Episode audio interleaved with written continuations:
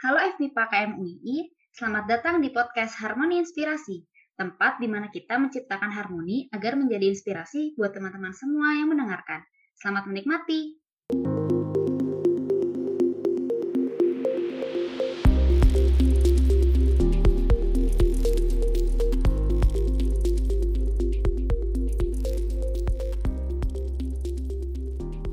Assalamualaikum Sobat FMIPA.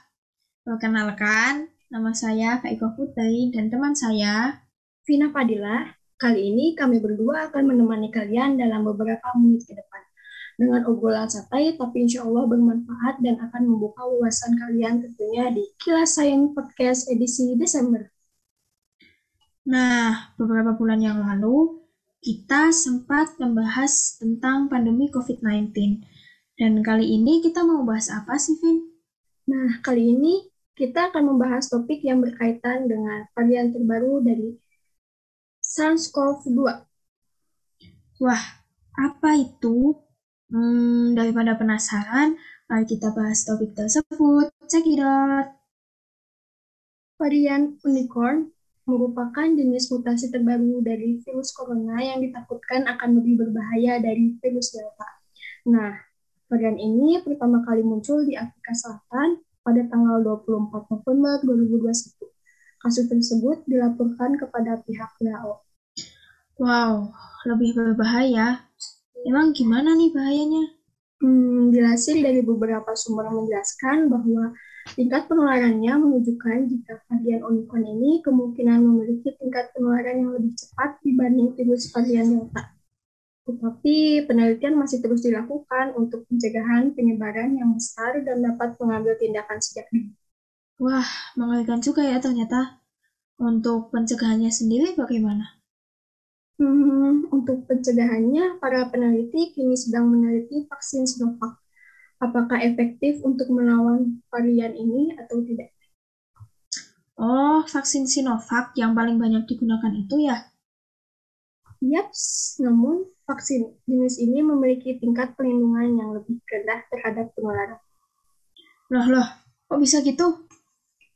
Nah, karena pada varian Omicron memiliki banyak perubahan pada protein lonjakan daripada varian yang telah diamati sebelumnya. Kalau begitu, ada alternatif lainnya tidak?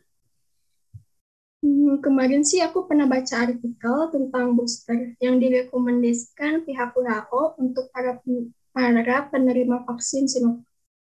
Eh, eh, bentar-bentar. Apa tadi? Booster? Apa itu? Booster itu vaksin dosis ketiga yang dapat memberikan perlindungan ekstra terhadap virus.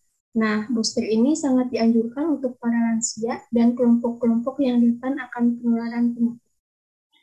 Nah, berarti memang kita itu harus ekstra hati-hati ya untuk menjaga diri kita sendiri dan orang sekitar. Wah, kalau itu masih jelas.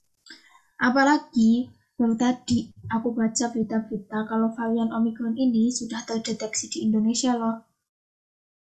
Eh, eh, iya aku tadi juga sempat baca Twitter. Iya, di Twitter memang masuk trending gitu. Sama ini gejala-gejalanya itu ternyata beda sama gejala varian Delta. Beda gimana? Untuk gejala varian Omicron ini bisa dikatakan gejalanya itu ringan, kayak seperti demam, uh, keringat malam, terus batuk kering dan kelelahan. Jadi itu kayak nggak kerasa gitu kalau ternyata di dalam tubuh itu ada virusnya. Berarti kita harus benar-benar ekstra hati-hati ya sekarang. Iya, protokol kesehatan harus tetap berjalan nih. Tetapi semoga saja cepat ditemukan jalan keluar ya. Iya, semoga ya, biar semuanya bisa berjalan normal kembali seperti sebelum adanya pandemi.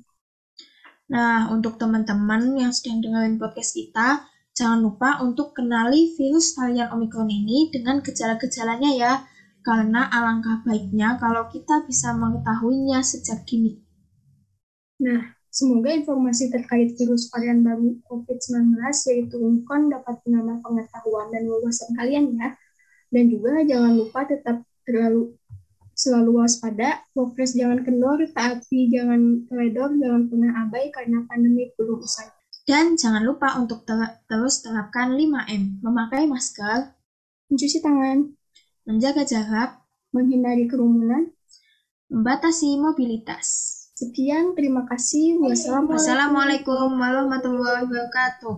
Dadah.